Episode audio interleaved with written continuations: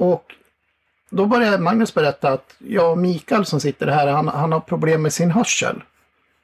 Jaha, så jag, ja, du skulle inte kunna be för honom? Jo, så jag. Och jag fick direkt ifrån Herren att jag skulle stoppa in mina två fingrar i hans öron. Så jag bara går fram och så stoppar in de här två fingrarna och säger i Jesu namn, öppna dig öron. Och det som händer är att två orangea grejer kommer ut i hans öra. Där, blup. Och då visar det någonting som läkarna har lagt in för han hade så dålig hörsel. De åker ut. Och sen så reser han sig upp. Jag hör, jag hör, jag hör. Och det var, blev en fantastisk kväll.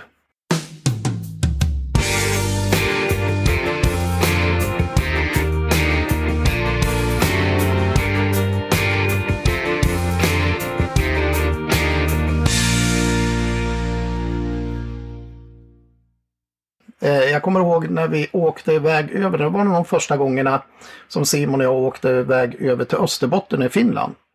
Och vi var inbjuden på en eh, förbönskväll i ett hem eh, hos en man som heter Magnus och Pia. Och där hade de samlats många troende och vi började ju dela med vad vi hade varit med om och vittnesbörd om vad Jesus har gjort i våra liv och vad han fortsätter att göra. Och sen skulle vi ha den här bönekvällen tillsammans och eh, vi hade samlats i, i vardagsrummet, ett litet vardagsrum där. Och då började Magnus berätta att jag och Mikael som sitter här, han, han har problem med sin hörsel. Jaha, så jag, ja, du skulle inte kunna be för honom? Jo, så jag. Och jag fick direkt ifrån Herren att jag skulle stoppa in mina två fingrar i hans öron. Så jag bara går fram och så stoppar in de här två fingrarna och säger i Jesu namn, öppna dig öron. Och det som händer är att två orangea grejer kommer ut i hans öra. Där, blup. Och då visar det någonting som läkarna har lagt in för han hade så dålig hörsel. De åker ut. Och sen så reser han sig upp. Jag hör, jag hör, jag hör. Och det blev en fantastisk kväll. Ja. Eh, jag var med på en Jesus-träff när en eh, kvinna kom och sa det. Hon gick och höll sig efter väggarna. Och jag frågade vad håller du på med? Eh, jag tänkte först att är det Guds kraft som har slagit ner i henne som måste hålla sig i väggarna? Då sa hon, jag ser ingenting. Jag ser inget. Och jag kände, okej, okay, ställ dig framför mig. Jag måste åka hem, sa jag. måste åka hem för jag får panik, jag ser inget. Och, och läkarna säger att eh, du har någon form av starr eller om det är, jag kommer inte ihåg vad det var hon hade. Men tydligen under kvällens lopp så hade alltså synen på henne försvunnit. Alltså så hon gick så här och trevade sig. Jag sa det, nu står du så blundar du och så ber jag för dig. Så jag satte mina fingrar på hennes ögonlock. Så. Och bad tack Fader för att precis som på, när du gick här på jorden så öppnade synen på människor. Hon berättar eh, sen hur det gick en varm ström. Det bara brände till i ögonen. Hon öppnade sina ögon och kunde se. Alltså, fatta glädjen. Vilken... Det var, det var som att hon eh, fick nytt liv. Alltså hon började ju prisa Herren. Det var helt makalöst att se det här. Och eh, några dagar senare så var hon till läkare och de sa bara att vad har hänt? Vad har hänt? jo, jag fick förbön. Det var en man som la sina fingrar på min, mina ögonlock. Och det här bara skedde så här spontant. Men, men alltså jag tycker inte att det här är... Eh, jag menar om vi tror på Bibeln, vilket vi pratade i förra. Om att tror vi på Bibeln så, så tror vi väl också att Bibelns löften gäller idag. Eller hur? Så egentligen så är ju inte det här eh, något omöjligt. Nej, det skal jo det. er jo som dere sier, det skal, det skal jo være naturlig. Ja. Och samtidigt så tror jag i den här delen att varför står alla de här sakerna med i Bibeln? Jo, det är för att göra oss hungriga på att det här vill vi också uppleva med dig Herre. Ja. Det har ju inte bara stannat där utan Gud är ju en levande Gud. Ja. Eh, jag kommer ihåg, eh, jag och Örjan var i Spanien för några år sedan. Vi hade fått låna en lägenhet och eh, genom att vi tror på Herren så vågar vi åka Ryanair ner också. vi, Jag menar det, det, det är absolut som kan hända oss att vi kommer hem till Herren. Så det gör ju liksom ingenting. I alla fall så åkte vi ner och vi hade en lägenhet. Vi satt och skrev på boken Två grannar berättar.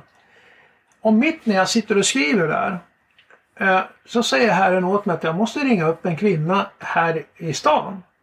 Och jag tänkte varför då? Du ska säga till henne att jag kommer att ge dig kraft för att du ska orka gå igenom det du just nu går igenom.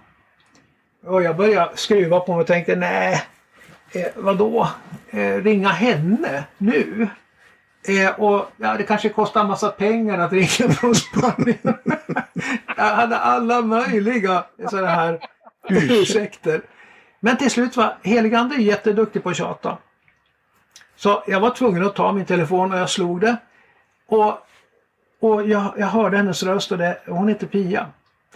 Eh, Hej Pia! Eh, jag ringer från södra Spanien. Eh, och eh, Herren är på mig. Han säger att jag kommer att ge dig kraft för att du, skulle du ska orka ta dig igenom det du just nu går igenom.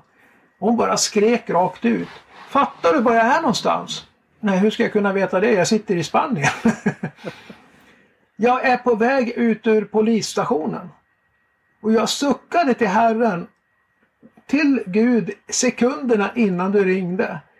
Gud, hur ska jag orka ta mig igenom det jag just nu går igenom? Därför att jag har precis anmält en pojkvän till mig. Anmält honom för ofredande och övergrepp och allt möjligt. Och hur ska jag våga och hur ska jag orka ta mig igenom? Och här står jag på polishusets trappa när du ringer. Och jag, jag sa tack Jesus för det. Då vet du att det är på riktigt. Att Gud kommer att ge dig kraft att du ska orka ta dig igenom. Men just då kom Örjan och bara tog min mobil. Nej, jag tog han inte bara. Utan jag sa, jo, han slet. Nej, jag sa det. Sätt på högtalaren. För jag hade suttit ute på, suttit ute på terrassen och skrivit till den här boken då, Två grannar berättar. Och när jag sitter där ute och skriver då säger Herren åt mig, du ska gå in och prata med Pia. Så jag lyfter på min ända och går in och säger åt Simon, Simon sätt på högtalaren. Jag har för mig att du slet av mig. Nej, nej, nej, nej, nej. Okej, fel, fel minne. Så Simon sätter på högtalaren och säger Pia, jag har ord ifrån Jesus till dig. Du är förlåten för den aborten du gjorde. Och det här har Herren sagt till dig, men du har inte tagit emot det. Du är förlåten för den aborten du gjorde när du var 14-15 år. Och hon bara ropade ut i telefon, det här är inte klokt. Det här ska inte någon kunna veta. Den läkare som genomförde aborten är död. Min pojkvän som jag skulle ha det här barnet med, han lever inte längre. Den enda som vet om det här, det är jag. Nej, så jag, Herren vet om det här. Och han älskar dig Pia och från och med den här stunden så säger Herren att allting kommer bli nytt i ditt liv. Allting kommer att bli nytt. Och, hon, hon bara grät och så ropade hon och så skrattade hon och sa ni är inte kloka ni två. Vi är inte riktigt kloka, men tack Jesus. Eh, och Pia eh, kommer hem, och börjar göra upp med mycket av sitt gamla liv. Hon tar emot Jesus på ett sånt radikalt sätt. Eh, och den, hon har en lång livshistoria så att det ska inte jag gå in på. Men eh, under tiden så hade vi de här Jesus-träffarna i stan här. Och eh, bara de kom ju till genom det omöjliga. Vi kan ta Jesus-träffen sen också. Men eh, det är så här. Eh, under en Jesus-träff så bjuder jag med en hårdrocksångare som jag har haft som elev i en musikklass. Och jag bjöd med honom. Jag sa det, Lars-Göran, LG som han kallas. Lars-Göran, du får komma med här. Jag menar, jag bjuder, du får käka och du får vara med oss en böne och lovsångskväll om det är okej. Okay. Och han njöt där. Han tyckte det här var fint. Men han samtidigt sa då att han är ju aktiv inom new age. Han håller på med vittidshealing. Han höll på med det då. Han var utbildad healare. Och han trivdes ändå på Jesus-träffen och sådär. Och eh, på en sån här träff då så kommer han nästa gång. Då har han, då har han liksom köpt biljetten själv. Och sitter där och då träffar han Pia. Kvinnan som blev ny. Och de blir förälskade i varandra. På Jesus-träffen. Alltså de känner att wow! De hittar varandra. De hittar varandra där. Och Pia eh, blir förälskad och Lars-Göran blir förälskad. Och eh, samtidigt så är det så här att Pia brinner ju att prata om Jesus. Men Lars-Göran ville inte höra talas om Jesus. Han tyckte det var mysigt med Jesus-träffar och bra stämning som han sa. Men han tyckte att det här med Jesus det är ingenting för mig. Jag har prövat på. Jag, jag har lämnat kyrkan. Jag, jag upplevde att prästerna i den lutherska kyrkan där, han jobbade, inte var på riktigt. Jag har hittat det som är på riktigt och det är new age. Så Pia kom hem till mig och var ledsen. Hon sa det, Lars-Göran vill inte prata om Jesus. Hur ska vi göra? Vad ska jag göra? Vi ska inte göra någonting, men vi ska göra en sak, sa jag. Sätt dig ner i soffan. Och det var Pia och jag, här hemma i vardagsrummet. Och jag sa det, jag upplever att helig ande säger en sak. Vi ska be om att Lars-Göran ska få se Jesus. Bokstavligen se Jesus. Inte så här uppleva eller ja, nära eller nej. Se! Precis som jag ser dig nu eller jag ser Örjan. Se honom fysiskt. Så vi bad det. Och det gick väl några veckor. Pia var hem och fika hos Lars-Göran. Fika det betyder dricka kaffe och så här. Översätter. Hon sitter i köket. Lars-Göran sitter och förbereder en healing-session. För det var så här att på andra sidan stan så hade han en speciell lokal där han tog emot kunder och utövade vittidshealing. Så han satt och mediterade i vardagsrummet, Pia satt i köket och plötsligt hör Lars-Göran en röst från tomma luften. Varför går du omvägar när du kan gå direkt till källan? Så Lars-Göran hoppar upp. En röst i tomma luften säger de här sakerna och hon- han springer in till köket och frågar Pia, har du på radio? Har, har du på TV? Eller, jag hörde en röst. Och Pia sitter där med sin kaffekopp. Eh, ja, vad sa rösten? Varför springer du omvägar när du kan söka dig direkt till källan? Och Pia förstod ju att nu nu är det någonting på gång. Men eh, Lars-Göran gick tillbaka in i sitt vardagsrum. Och han satte sig och mediterade. Och han höll på att greja där. Och plötsligt kommer rösten tillbaka från tomma luften. Varför springer du omvägar när du kan gå direkt till källan? Och Lars-Göran tänkte, är det här du Gud? Är det du som vill nå mig? Okej, jag ska testa dig Gud. Den här healingen jag ska ha nu idag. Den kommer jag bara be till dig om, inte till ljusets krafter eller vad han nu hade mediterat över. Eh, utan bara till dig Gud. Men om det inte sker någonting på denna healing så kommer jag aldrig mer att vilja ha någonting med dig att göra. Jag kommer aldrig mer att be till dig. Så Lars-Göran åker till sin lokal. Han tänder lite ljus, sätter på lite avslappningsmusik. Och den här dagen så var det faktiskt Lars-Görans egen mamma som ville, hon hade ont i kroppen så hon ville bli healad av Lars-Göran. Så hon kom dit och hon lägger sig på en brits. och, och hon ligger med magen neråt vad jag förstår och Lars-Göran börjar lägga sina händer på henne och sucka till Herren och ingenting händer. ingenting händer. Och han börjar bli så här att han blir arg. Jag visste väl att du tänkte inte ingripa nu. Jag visste att det, du är inte kraften att räkna med. Och precis när han står där och lägger sina händer på mamma. Då ser han som i sidan av ett vitt sken. Och det, kom, det såg ut att komma från cementväggen som var där. En vägg. En vit, ett vitt sken som blev starkare och starkare så hela lokalen lystes upp. Det var som en tusenwattare som hade tänts. Och det här vita skenet blir större och större och större och ut ur det vita skenet kommer en, en figur glidande, inte gående, utan glidande. Och Lars-Göran blir så rädd, han blir så rädd så han, han vågar inte titta upp. Vad är det som sker i min lokal? Vad är det här? Vad är det för här besök som jag har fått?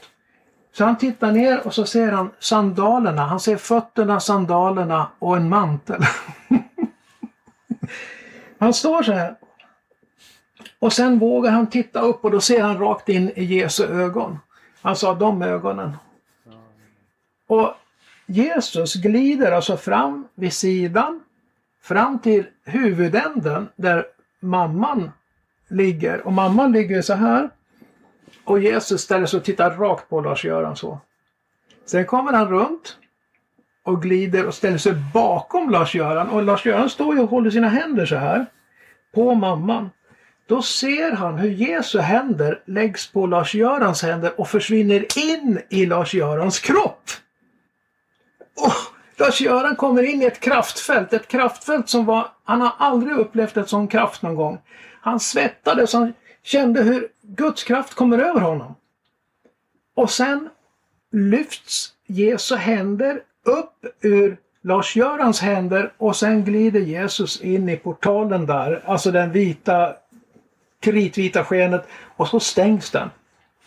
Lars-Göran står kvar, kallsvettig, skakar och mamman reser sig upp. Oj! Det här var starkaste gången. Vad var det som hände? Vad hände? Och kalla mig tokig, säger mamman. Såg du vem som var här? Det var ju Jesus var här i rummet idag. Såg du också Jesus, säger Lars-Göran. Jag såg Jesus själv. Och Lars-Göran kommer ju hem till Pia. Jag har sett Jesus och det gjorde min mamma också. Vi såg honom samtidigt. Bokstavligen. Lars-Göran ringer mig och säger jag vill bli frälst. Jag vill bli frälst. jag har hört vad du och Pia har gjort bakom min rygg.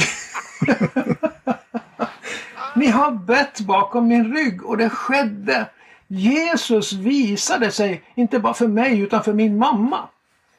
Så jag vill bli frälst.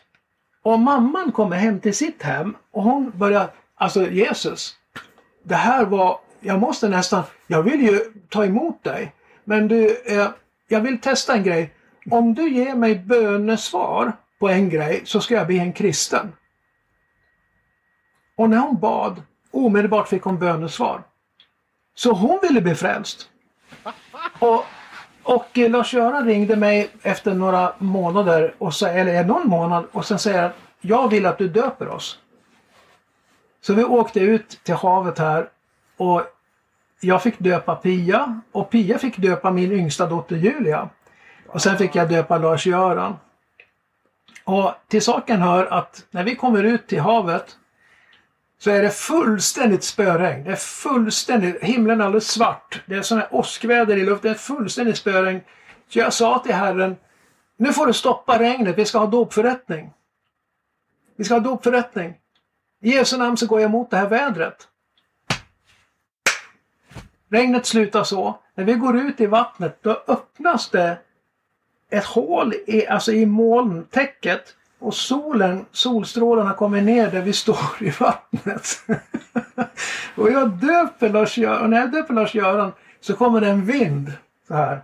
Och jag säger, åh käre Jesus vad starkt det här blir.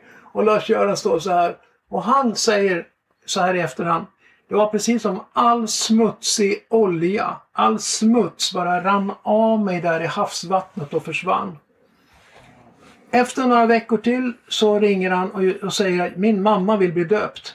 Och jag, jag ringer Örjan. Han, Örjan har ett bra badkar. Jag har ett välsignat badkar. jag har döpt många där. Och när vi kommer dit så kommer mamman dit. Örjan har tappat upp vattnet i sitt badkar och då är det Lars-Göran som döper sin egen mamma till Kristus. Och han säger Mamma, du gav mig livet. Du födde mig. Du gav mig livet. Men i den här stunden så ska jag vara med och ge dig ett nytt liv i Jesus Kristus. Och nu döper jag dig till Jesus Kristus, ett nytt liv. Ja, det var starkt. Det här kan vi väl kalla det omöjliga. Fast det är möjligt. Jag menar, än en gång. Om nu det vi tror på är på riktigt. Det är självklart att sådana här saker kan ske. Eller hur? Det är ju det, är ju det här vi, den här serien handlar om att Bibelns ord kommer ju på något vis att bli aktuella och verkliga idag. Och jag brukar säga så här. Var med du också och skriv ett kapitel i Apostlagärningarna för 2021. Mm. Var med och bidra med ett kapitel. Därför att vi, Jag tror inte att apostlagärningarna tog slut. Jag tror att vi kommer att få läsa, när vi kommer hem till Herren en dag, så kommer vi få läsa alla kapitel som har skrivits genom världshistorien på Apostlagärningarna. Och jag vill faktiskt vara med på ett kapitel där. Ja, ja, det är så härligt. Men jag tänker, jag har eh, läst de sista, ja, sista par månaderna läst en del om åndens gaver och menighetsliv. Då, speciellt först på vintern 11 till 14 och romarna 12. Och, Ja, och så tänker jag, det som Paulus beskriver, det är ju en helt annan realitet än det som många kyrkor, eller ja, jag vill vara ärlig och säga, det Mm.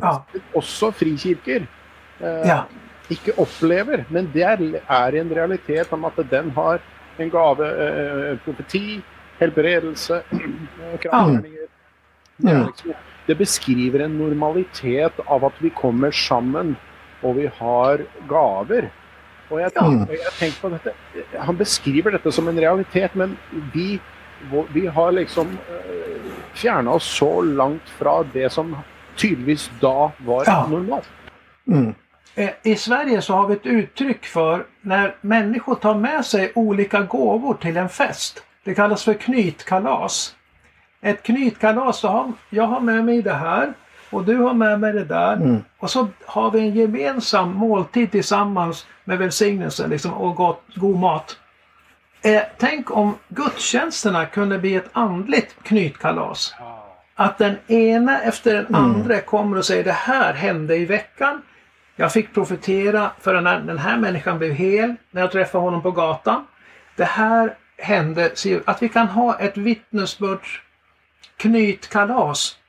Istället för att en person står och läser en, en, en det är inget du- dumt att läsa skriften, men snälla tänk när skriftens ord Blir levande. levande och kan appliceras på den tid vi lever, på, i, lever i idag.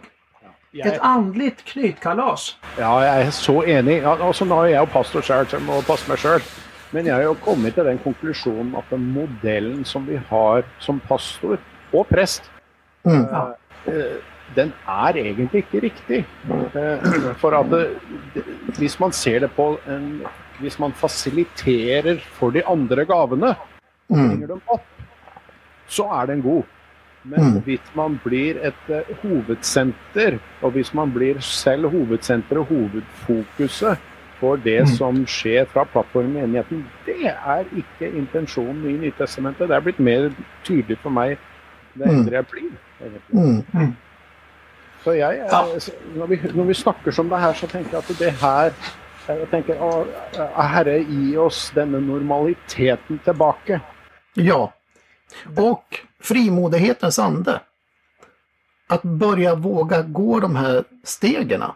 Och säga Herre, här är jag, använd mig. Ja. Du får all ära, men jag vill leva det här livet tillsammans med dig. Och jag ber om frimodighetens ande ifrån dig att börja våga komma ur det här skalet. Mm. För många kan ju se det som obekvämt att börja gå i de här gåvorna. Att bara fråga en människa, du jag ser att du har ont, kan jag få lägga min hand på dig och be för dig? Och jag kan säga så här, det är inte alltid jag har lust att göra det heller.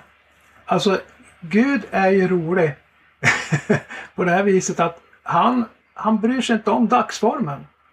Eh, många, Gud, Gud är Gud. Ja, han är Gud. Och, och eh, säger man jag är din tjänare, då får man skylla sig själv. Därför att Herren kan använda dig till precis vad som helst. Och jag, jag måste ju bara berätta då i det här sammanhanget hur jag inte ville. Jag ville inte, och det var angående Jesus-träffarna. Eh, och det är ett antal år sedan nu. Eh, jag skulle gå och lägga mig och när jag lägger mig ner så ser jag ett rött trafiklyse blinkar en rödlyse så här. Och jag tänkte, vad är det här för någonting? Vad vill nu Herren?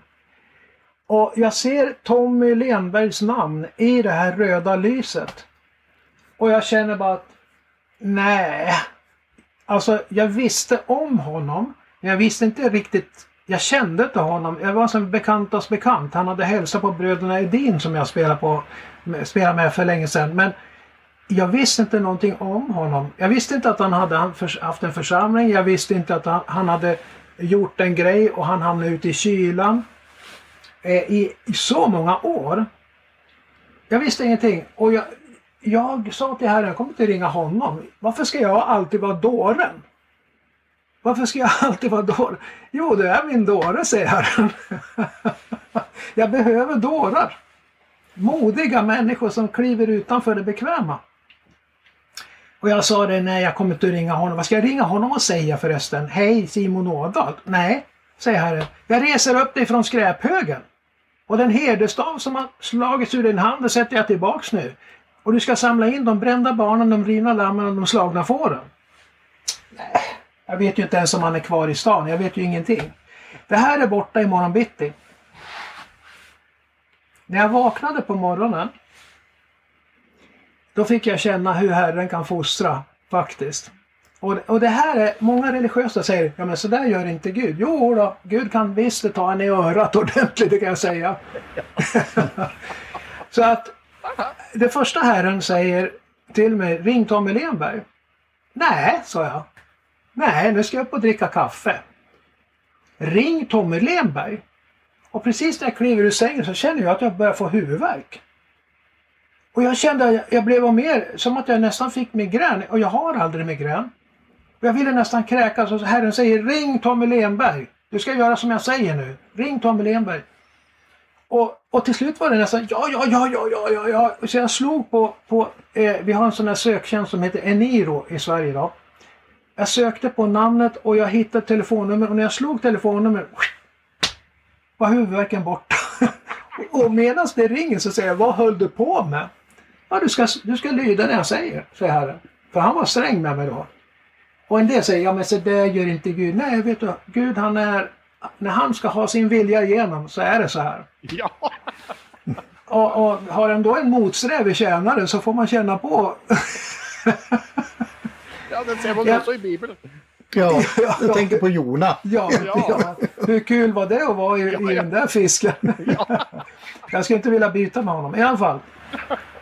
Jag ringer och då är det en kvinna som svarar och, och eh, jag frågar, eh, jag, eh, jag heter Simon Åla. Ja, jag vet vem det är, säger hon. Eh, är du gift med Tommy Lenberg? Ja, det är min man. Ja, jag söker honom. Ja, vad gäller saken? Jo, det är så här. Det här kommer låta konstigt. Men för det första, innan jag går in på varför jag söker din man så kan jag säga så här. Att jag är i telefon ett tecknet på att dina böner är hörda. Va? Va? sa hon.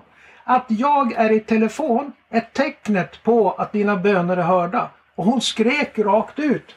Tack Jesus! Så berättade hon att hon hade bett i många år eh, om ett tecken på att Gud hör hennes böner. Så gav hon mig telefonnummer. Jag frågade var jobbar han någonstans? Är en före detta pastor? Jag visste ju att han var en fick veta att han var en före detta pastor.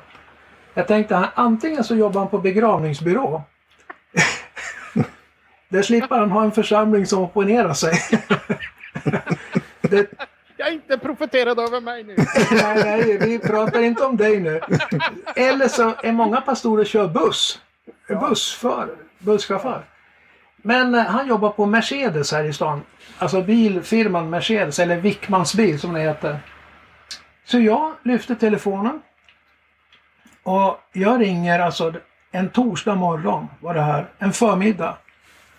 Och jag får hans direktnummer så jag ringer och jag hör Tommy, Wickmans bil Tommy. Eh, ja hejsan, jag heter Simon Ådahl. Tjenare Simon Ådahl, ska du köpa en Merca? Aldrig i livet, så jag. Bilen som kostar för mycket och ger för lite. I alla fall. Eh, jag har, det är så här Tommy, det är så här att jag går med Herren.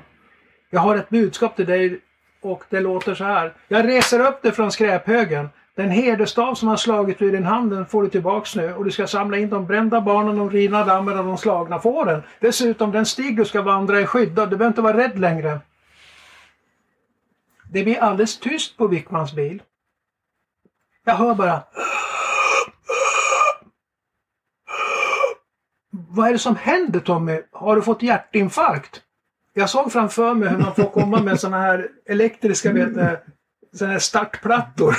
Man får dunka igång gubben på golvet. Och han säger vänta, vänta! Ja, men vad händer? Vad händer? Vänta! Du gör mig orolig Tommy. Vänta! Jag har fått blodtrycksfall! Va? Jag har fått blodtrycksfall! blodtrycksfall! Han höll på att svimma. Han stod och höll sig i en Merca. Och då började han gråta och han sa det att det här, det här var mitt livs starkaste tilltal. Aldrig, och så grät han. Han fick knappt fram orden. Du förstår Simon, igår var jag ut på en promenad. Jag var tvungen att ta en promenad för att lugna ner mig lite grann. Det hade hänt en grej på jobbet så jag gick ut på en promenad. Och då gick han förbi en kolonilott. Alltså i Sverige har vi sådana här små stugor med kolonilott. Man odlar lite tomater och lite sånt där. Och utanför den låg det en skräphög. Tommy ställer sig och pekar på skräphögen. Ja du gud, där ligger jag sedan 18 år. Eller någonting sånt. Jag har kanske placerat mig själv på skräphögen för jag gjorde fel mot dig för många år sedan. Men det är många andra människor som också ligger där och det är andra människor som har kastat dem på skräphögen. Och jag träffar ju sådana här människor på skräphögen, de träffar jag på Mercedes. Sådana här som har tron kvar men har lämnat sammanhang och bränt på religion. Men eh, hur länge ska jag ligga här på skräphögen? Gud, om du älskar mig så låter du någon ringa. Någon som inte riktigt känner mig ska ringa. Men eh, så går han en bit, så går han tillbaka till skräphögen och så säger han nej, nej strunt i det där. Eh, radera bandet, eh, du behöver inte liksom. Och sen gick han tillbaks. Nästa morgon var jag i telefon. Nästa jag, jag tänker då också på den här delen där Simon sa att Herren gav honom och drog honom i öra. Hur viktigt var det inte det här budskapet ifrån Herren? Ja, att du... För att peka på Tommy, du är älskad utav mig. Ja, och vad Tommy skulle komma in för tjänst sen. Ja. För Herren såg ju framöver. Så jag sa till Tommy och Greta att eh, ni två ska komma hem till mig. För vi ska lära känna varandra. Och du ska få träffa en annan kokosnöt och han heter Örjan. och så får träffa min fru. Så de kom måndag kväll kom de hem till oss. Jag satte upp två stolar i vardagsrummet. Och de tittade så här, jaha vad ska hända nu? Vet ni vad som kommer hända nu? Nej, så nu kommer anden. Pang! Båda två började profetera. Anden föll över dem. Och sen några veckor gick och vi började ha en bönegrupp tillsammans och då kommer idén med att samla ihop de här brända barnen. Och efter mycket om och men kan jag säga så bestämde vi oss för att ha vår första träff på en restaurang. Och då hette den inte Jesus-träffen utan vi bjöd in människor som vi visste en gång hade varit med. Och var och en fick säga vad de ville i mikrofon. Jag sa till Tommy så här den heliga Ande kommer sy ihop den här kvällen så kommer, Herren kommer bli förhärligad mm. genom den här träffen. De får spy ut sig all galla, de får prata illa hur mycket de vill. För jag har mött den heliga Ande och det har också du gjort. Du är nämligen re, upprest från skräphögen. Så vi kan avsluta med våra vittnesbörd. Och restaurangen hette Farfars restaurang. Så vi kallar det för farfarsträffen, de första. Och på första träffen var vi 50 personer kanske. Sen spridde sig ryktet. Så nästa gång var vi 100 personer. Sen kunde vi inte ta emot fler och folk alltså stod i kö och de ringde till mig och skällde för att varför får vi inte rum? Varför får vi inte... För de hade hört talas om att det skedde saker på den här träffen. Så till slut var vi tvungna att byta bort farfars restaurang för vi fick max rum 120 pers där. Så vi var tvungna att ha en större restaurang. Och tänk dig nu, vi träffades på lördagar klockan 15. Och vi höll på med bön och lovsång och vi åt mat tillsammans och prisade Herren och alla, vem som helst fick vittna. Vi, vi sa det, vi ska inte ha något religiöst tak här. Sägs det konstiga saker från scenen så spelar det ingen roll. Vi låter bara, låt alla blommor blomma bara. och eh, klockan 23 ungefär slutade vi träffarna. Och folk stod i kö för det här. Mm. Hur många bönekvällar står folk i kö och är beredda att betala pengar för att komma in? Och de betalar ju, de här pengarna som betalades, det var ju för maten. Det var ju inte för något annat. Nej, vi tjänar ju ingenting pengar på det här utan det var till maten och drycken. Och där tänkte jag, vilket perfekt. Jag menar, det finns restauranger i varenda stad. Det finns ju, och jag menar de gjorde maten, de diskade, de städade och vi bara satt där och njöt och prisade Herren. Men jag kommer ihåg första gången vi hade på den nya restaurangen som vi har kört med nu. Då kom ju de här kvinnorna som jobbade på restaurangen, du pratade ju med dem, de Ja. kom ju till dig. Ja, jag frågade, ja vad tycker ni att ha en massa hundra knasbollar som prisar Herren här? ja, de sa det, vilken kärlek! Mm. Vi har aldrig upplevt en sån här kärlek. är det här Sverige? Är detta Sverige? Vilken kärlek! Och tårarna kommer. Och på farfars restaurang var ju en diskare som blev frälst. Frälst. Äh, Ägaren kom till mig och sa jag, vill, jag är ortodox men jag vill ha den helige ande. Lägg dina händer på mig, jag vill ha den helige ande. Så här, alltså sådana här saker skedde. Och vi Och på den, på den nya restaurangen då ville de ju ha, servitriserna ville ju ha förbön. de vill ha Och förbön. många utav dem tog emot Jesus. Till och med ägaren Ja. till den här restaurangen tog emot Jesus. Ja. För de såg, de såg vad som hände. De gick där och plockade disk och tittade vad är det som sker med människorna. Så Guds kraft var så utgjuten här och det här blev bara mer och mer.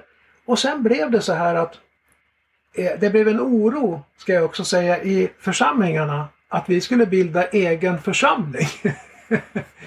det blev så här, jaha Simon och Tommy, vad håller ni på med? Och Örjan, vad håller ni på med? Tänker ni bilda egen församling? Jag sa, nej, det är komplement till församlingarna. Och jag sa till församlingsledarna, ni är ju jättevälkomna ni också. Kom och ta mikrofonen och bjud in människor till er församling och gudstjänsterna där. För vi kommer inte för splittring, vi kommer Nej. för välsignelse. Vi välsignar Kristi kropp här i stan. Och jag kan säga att det mynnade ut i att många av de som besökte Jesus-träffen eh, var sådana här människor som bor i samma stad men tillhörde olika församlingar men inte kände varann. De fann varann och bildade bönegrupper tillsammans utöver gränserna. Alltså utöver det här. Om man säger här var det ett par som hade varit i kylan på skräphögen i så många år. Och plötsligt så är de i fronten för ett gudsverk i stan. mm. Ja, Alltså jag kan säga så här, vilket är mest omöjligt? ja, alltså, det, de var spottade på, Ja. men de fick vara... Alltså Gud är ju så underbar och, och, och väldig i sina gärningar. Han gör vad han vill. Han gör, med ett ödmjukt hjärta så gör han vad han vill. Åh.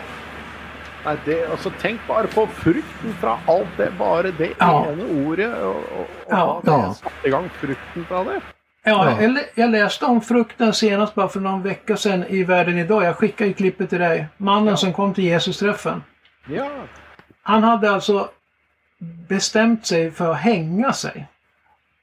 Och en kvinna ringer honom och säger Ska du komma på lördag på Jesusträffen uppe i Gävle? Nej, jag vet inte. Jo, men kom dit du. Och han hade alltså köpt repet som han skulle hänga sig. Han hade valt ut en bro som han skulle hänga sig ifrån. Men han går på Jesusträffen. Och repet ligger i bakluckan på hans bil. Han kommer där och går runt som en zombie där och jag ser ju honom direkt. Vad är det för fel på? Jag känner ju Janne lite grann så här. Jag, jag gick till Janne och frågade.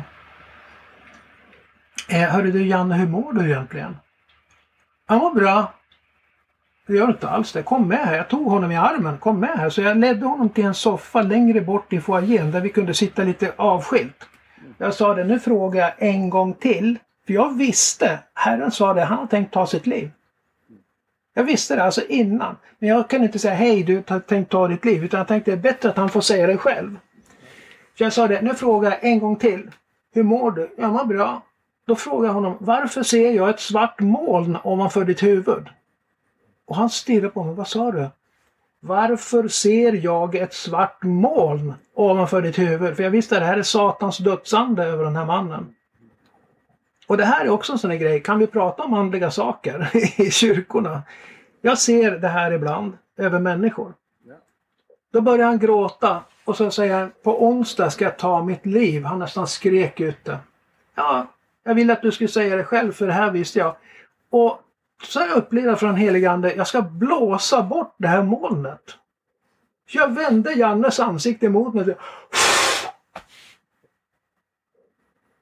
Och det var som han vaknade till så här. Och allt mörker bara lämnade honom. Så. För jag kände Guds kraft eh, det ögonblicket. Nu rekommenderar jag kanske inte att alla ska blåsa varandra i ansiktet. utan, I coronatider. I coronatider. Eh, utan, utan jag upplevde att det var tilltal från Herren. Jag känner Guds kraft över mig. Jag blåser honom i ansiktet. Molnet försvinner. Och jag sa det. Jag är en Herrens tjänare och Satans dödsande. Du har ingen makt över, över det här. Du får lämna honom. Det kommer inte Janne ihåg.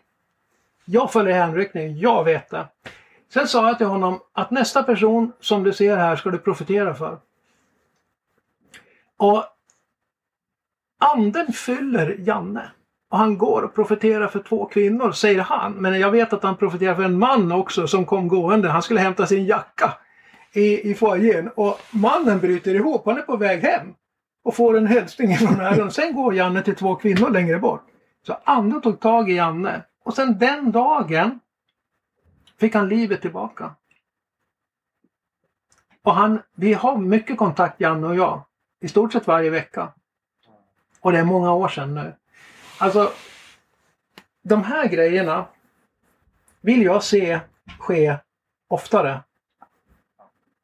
Det här knytkalaset vi pratade om. Förstår du? Tänk att få komma och servera till församlingens bord ett kny... Titta här! Här har jag ett vittnesbörd om mm. hur ett självmord stoppades.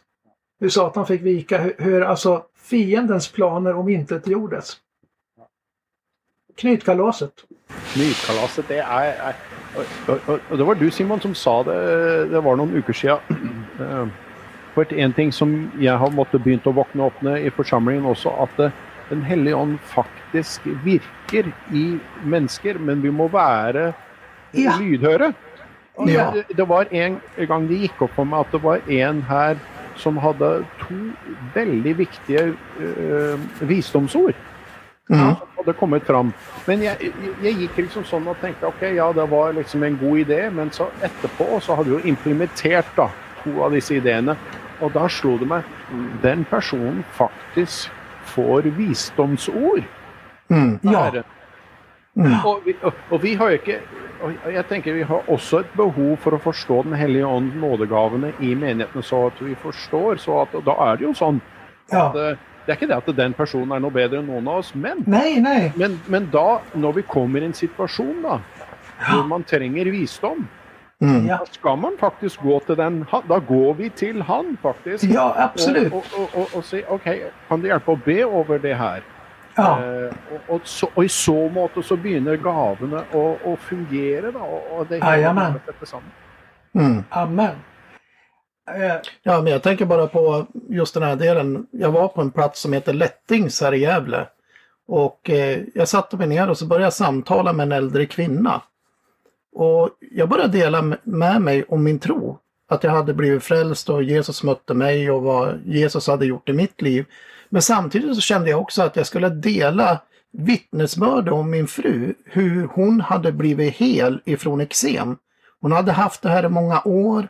Hon hade använt olika salver men ingenting hjälpte. Och en kväll så stod jag på knä och bad i hallen hemma. Och jag bad Jesus, hela min frus eksem. Då tror jag också hon kommer ta steget till dopet. Jag vet inte varför jag ber det här, sa jag. Men det här var ju fött av den helige Ande. Det slutade med att min fru blev fullständigt hel ifrån sina eksem. Fullständigt hel. Aldrig kommit tillbaka. Och sen att hon tog steget och döpte sig. Så jag satt och delade det här vittnesbördet för den här gamla damen. Och jag tänkte väl inte på det här, men det, det här var ju så fött av den heliga Ande. Mm. Så när dagen var slut så ja, åkte jag hem Och jag hade ju fått fört en före detta muslim till tro på det här stället Lättings också. Och han kom då till församlingen jag var med då här i stan och det var en lördag. Och vi var nere där, jag och min fru, och hjälpte till i församlingen och så kommer han och sa Hej, sa jag, vad gör du här? Ja, det är inte möte. Nej, sa jag, det är inget möte idag, det är imorgon. Ja, men jag har någonting att överlämna till dig, sa han. Och det här var en lördag. På fredagen hade jag suttit och pratat med den här kvinnan och berättat vittnesbörden. Du vet den här gamla damen du satt och pratade med i fredags? Ja, hon har skrivit brev till dig här. Jaha, så vad är det då? Ja, men du, läs det, läs det. Det här är jättestarkt, sa han. Så läste jag att du, du berättade om din fru, om hennes eksem, hur hon hade blivit hel från det här. Det du inte visste, skriver damen, det är att jag har fullständiga eksem på mina ben. Och när jag kommer hem till mitt hem på kvällen och går och lägger mig.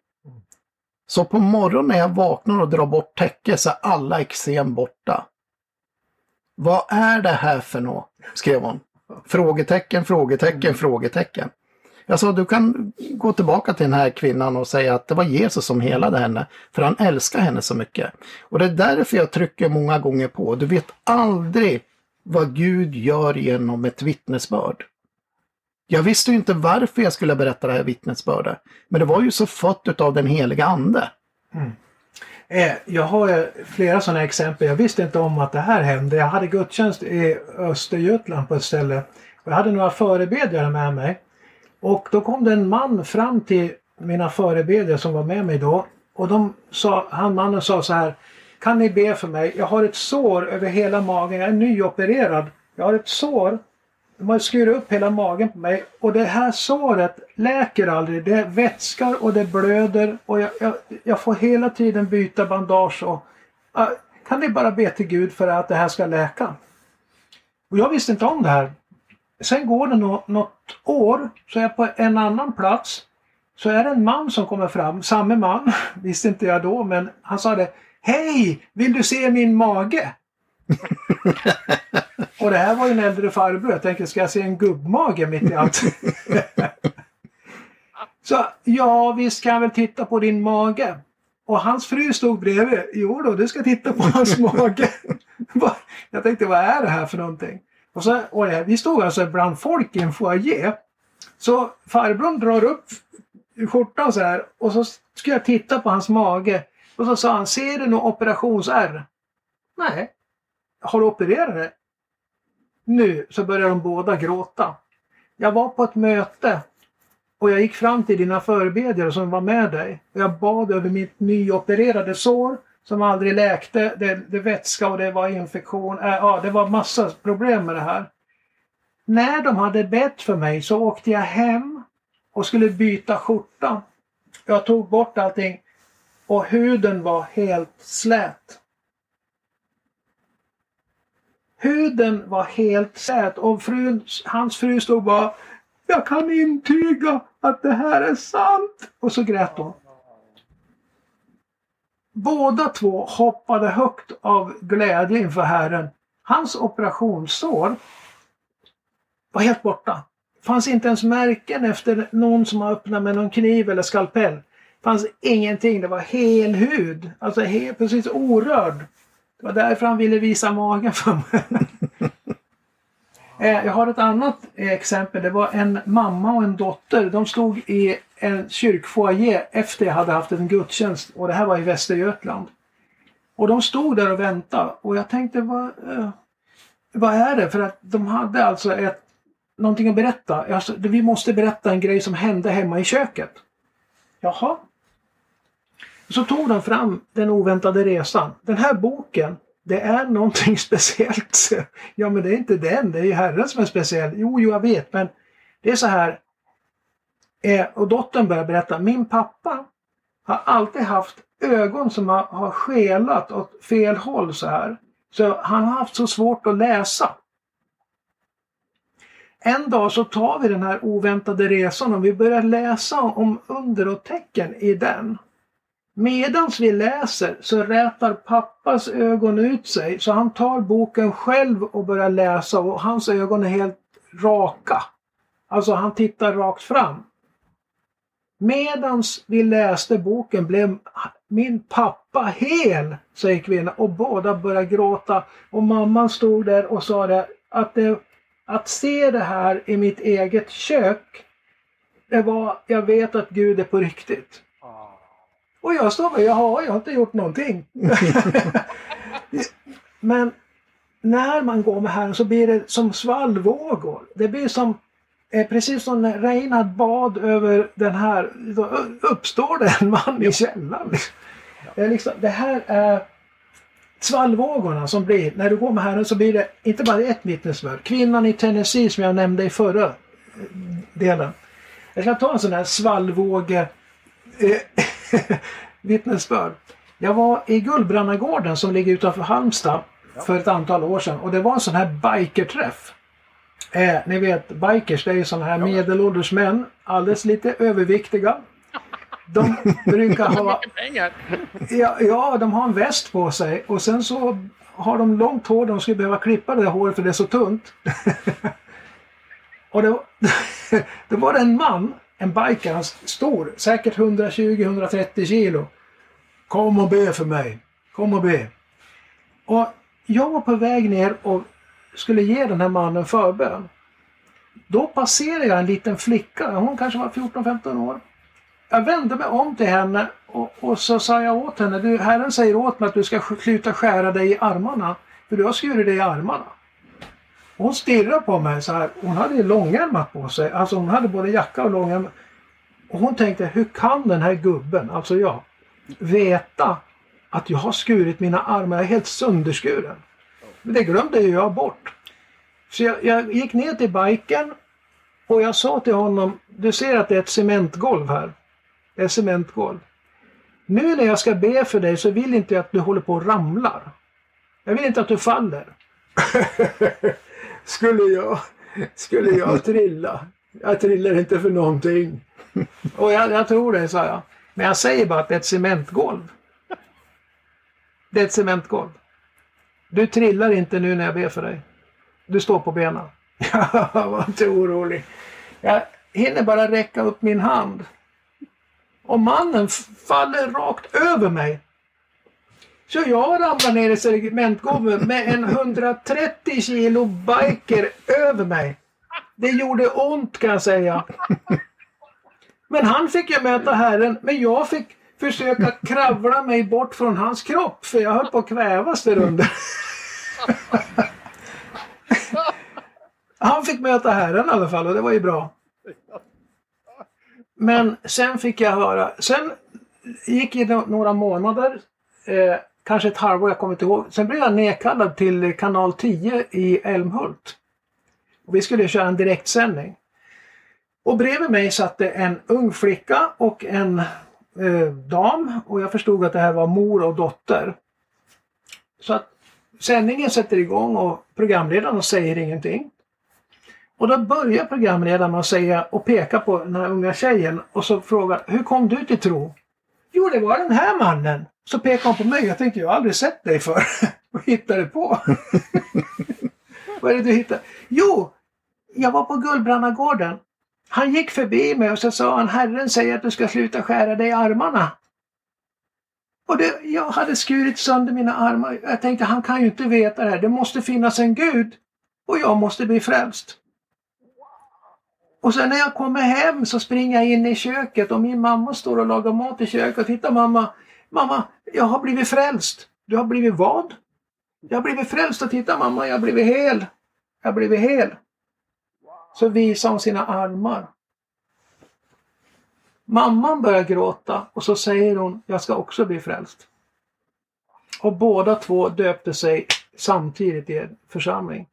Och när jag sitter där i direktsändning i TV. jag sitter ju där och tårarna. Jag kunde inte, jag, kunde inte säga, alltså jag tappade ju orden. Och då säger mamman, jag jobbar som distriktssköterska och Herren kallar mig till Indien för att jobba med gatubarn. Och jag tänkte, fattar ni svallvågorna av det här? Alltså, ett kunskapens ord, flickan blir frälst och hel, mamman blir frälst, de är döpta och hon, gatubarn i Indien, får del av Guds välsignelse. Alltså svallvågorna jag pratar om Herren. Det här är det omöjliga som är möjligt. Tänk dig då att sitta i direktsändning och få höra det här. De hade riggat en fälla för mig där på kanal 10. Ja, men när Simon pratar om svallvågor, jag tänker bara på en rolig händelse, men det var inte roligt när det hände då, för mig. Det hade ju gått några år och jag hade varit frälst och vi var iväg ner till en församling neråt någonstans. Och eh, då hade de tillsammans, den här, det var, jag tror det var en pingstkyrka tillsammans med Svenska kyrkan, hade en konfirmation med ungdomar. Och efter vi hade haft våra möten och hela den biten så kommer det fram en präst inom Svenska kyrkan. En kille på, ja, kunde han vara 27 år. Han kommer fram till mig och så säger han, kan du be för mig? Jag tänkte, men snälla det är, väl, det är väl tvärtom det ska vara, men okej.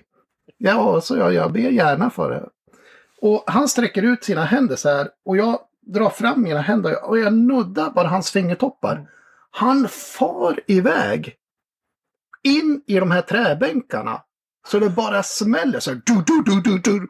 Jag tänkte nej, jag har haft ihjäl prästen, tänkte jag. Han kan, han kan inte ha överlevt det där. Och, och jag, Och, och, och, du sitter ute i foajén. alltså jag står ute och säljer lite böcker och skivor. Jag hör hur det nästan lät som en kyrkan rasa. Jag tänkte, vad håller Örjan på med där inne? Håller han på och river, river lokalen? Och jag ser den här prästen, han ligger ju helt utslagen på golvet. Så jag tänkte, jag, måste ju gå fram och kolla om han andas. Ja. Så jag går ju fram och jag ser hur han andas. Och så lägger jag min hand på honom och så får jag profetisk hälsning till den här prästen.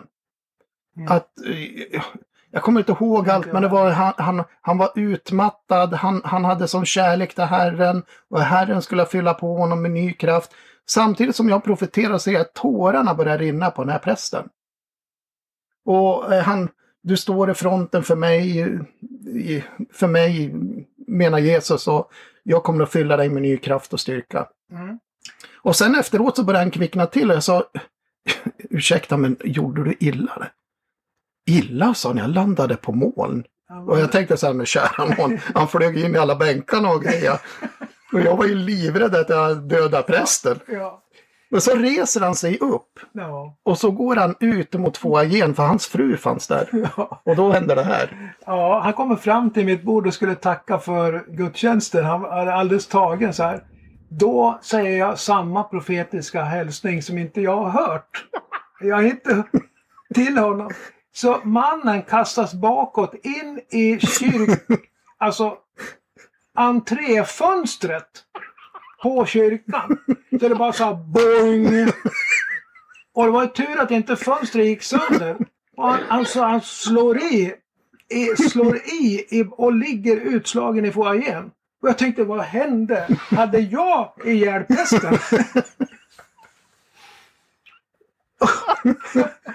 och och han, han ligger där och prisar Herren. Och jag sa det, men gjorde du illa dig? Det, det var som att landa på ett dunmoln, sa han.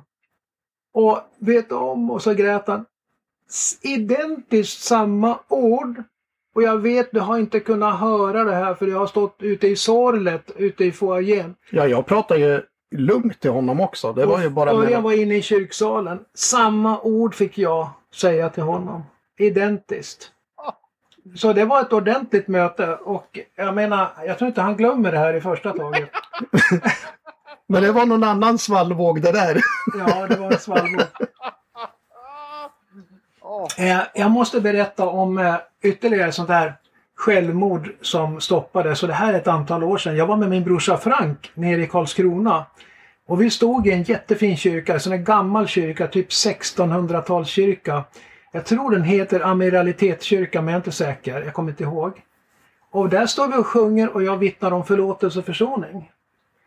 Och jag kände det här är underbar konsert, jättefint och allt möjligt. Och jag går ut på kyrktrappan för jag är lite svettig efter allt samman. Det var mycket folk och så. Så kommer det fram en, en kvinna till mig. Hon såg ut som en trasa. Alltså då menar jag trasig. Hon fräser åt mig. Hon säger Här står du och pratar om förlåtelse och försoning. Vet du var jag är på väg? Nej, vart är du på väg? Jag är på väg ner till hamnen. Jag ska dränka mig själv. Ja, men varför då? Var, varför ska du göra det? Nu är, nu är mitt tredje äktenskap. Jag har haft tre äktenskap. Jag har för mig det var tre. Mm. Och varje gång så har jag blivit lämnad att mina män har hittat en annan kvinna. Jag har varit ratad nu för tredje gången i sträck. Ingenting återstår för mig och vad har du att säga till mig? Du pratar om förlåtelse, försoning. Vad har du att säga till mig? Och jag sa okej okay, fader ge mig någonting. och ur min mun hör jag mig själv säga du ska förlåta den man och välsigna, du ska välsigna. Du ska välsigna den man som har gjort dig mest illa. Hon blev rasad. Det var som att spotten. Du är en pip idiot. Du är en... Och han kallade mig för olika saker. Och sen försvann hon och vände på klacken och gick. Och jag stod där. Varför skulle jag säga det här? Varför, varför? Eh, och jag blev liksom putt på Herren liksom för varför gav du mig en sån konstighet? Vadå välsigna den man som har gjort dig mest illa? Och jag tänkte, jag, jag, så, jag mådde dåligt. Därför att jag tänkte nu åkte hon, nu sprang hon ner till hamnen och hoppade i vattnet, alltså i hamnbassängen där. Och, alltså räddningstjänsten plockar upp en död kvinna liksom för att jag har profiterat konstigt. Och månaderna den gick Eh, vi var ute på turné igen och eh, jag kom till ett ställe och efter den spelningen, för vi var ute med jag och Franco och sen var det två, två andra som också sjöng så vi, vi hade haft en gemensam konsert. Då kommer det en kvinna, jag tänkte det hon har tittat på ett modemagasin ifrån Paris. Hon kom med en sån här stor hatt, så här, ni vet som de brukar ha. Otroligt målad och sminkad och så kommer hon och ler och då säger hon, känner du igen mig? Nej, så det gör jag inte. Vi har träffats förr. Nej, det har vi inte. Jo, Karlskrona. Det var jag. Förlåt att jag svor åt dig. Förlåt att jag... Ja, men vad har hänt? sa jag. Fattar du vad orolig jag... För jag kände ju hur jag kokade till. Fattar du vad, vad orolig jag blev? Du sa att du var på väg ner för att dränka dig själv och nu liksom, jag har mått jättedåligt. Ja, men jag gjorde som du sa. Ja, vad sa jag då? För jag hade, glömt, jag hade nästan glömt det där, att jag ville ha förträngt det nästan. Du sa att jag skulle välsigna den man som har gjort mig mest illa och vet du, det gjorde jag. Och vet du vad som hände? Jesus kom in i mitt liv och jag fick ett helt nytt liv. Och självmordstankarna bara försvann. Och jag står här, jag är hel och fri. Så. Och sen så berättade hon också senare att hon hade träffat en ny man och det här är en man som är av Davids hjärta, säger hon. Så jag tänkte, jag hoppas han nu inte hittar på något tok. Eh, ja, jag hoppas nu att det är... Låt det vara den nya David, inte den gamla. inte gamla David, snälla, inte gamla David. Eh, om man säger så här. En sån här, jag brukar tänka på de som går i terapi och det är jättebra att gå i terapi och det är jättebra att gå på själavård och så här. Men förstå vad snabbt när den heliga ande sköter om terapin och den heliga ande gör helandet, det trasiga inre såret, när heliga ande kommer. Vilken, vilken, vilken raketförändring det blir hos människor. Mm. Eh, nu är det så här att den här delen lider mot sitt slut. Ser jag på klockan. Ja. Så vi, vi kan prata hur länge som helst. Men eh, varför gör vi det här? För att vi vill att både troende och icke-troende ska hitta den här, inte religionen, utan relationen med Herren. Där du vet att du kan prata med Herren ifrån ditt hjärta. Du behöver inte gömma någonting, för han vet redan om det. Som det står i skriften, innan ens ett ord är lagd på er tunga så vet han om det. Mm. Så Du som inte är troende idag, våga öppna ditt hjärta och bjuda in Jesus i ditt liv och du kommer att få se att han är verklig. Och han är personlig. Och en sak vill jag understryka. Och sen, jag tänker på Jaha. bara de, de som säger sig ha en tro nu, men också kanske lyssnar och ser på det här och märker att ja, jag kanske lever i en- en religion. Att jag inte tror att Gud vill vara mig så nära han är. Utan det handlar om mina prestationer, min duktighet. Du ska vara barnet. Barnet som håller pappa i handen och du kan prata med pappa om allting. Och säga, det här jag har fått hört, det vill jag också vara med om. Mm. För det är inte för speciella personer utan det finns för alla. Sen kan gåvorna se olika ut. Mm. Men Gud vill ha en kärleksrelation med var och en utav oss. Ja, jag ville säga eh, också att vi sitter inte här och tycker att vi är duktiga på något vis. Nej, absolut inte. Vi är inga specialister, vi är vanliga gubbar och eh, jag vet att Robert och jag brukar ha ett uttryck men det ska jag inte säga i, säga i, i våran sändning här. Vi är så lågt man kan tänka sig därför att jag tror att Gud använder ödmjukhet. Att, eh, så att tro inte nu att du, sitter de och slår sig för bröstet och tror att de är Nej, det är vi faktiskt inte.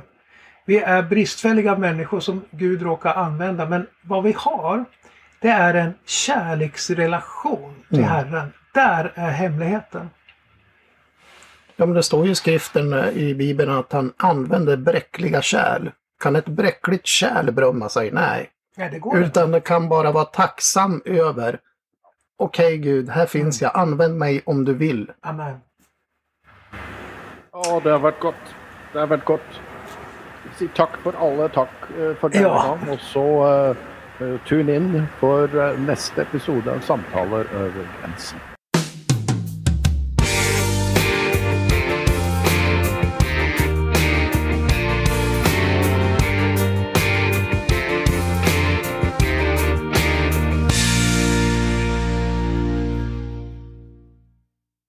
Hvis du vil være med og støtte evangelisasjon i Sverige, så kan du sende en gave til Simon Ådals evangelisasjonsfond via Swish. Og Swish-nummeret det er 123 422 9472. Hvis du vil være med og støtte evangelisasjon i Norge, så kan du sende inn en gave til Velkommen hjem via VIPS, og det VIPS-nummeret det er 560051.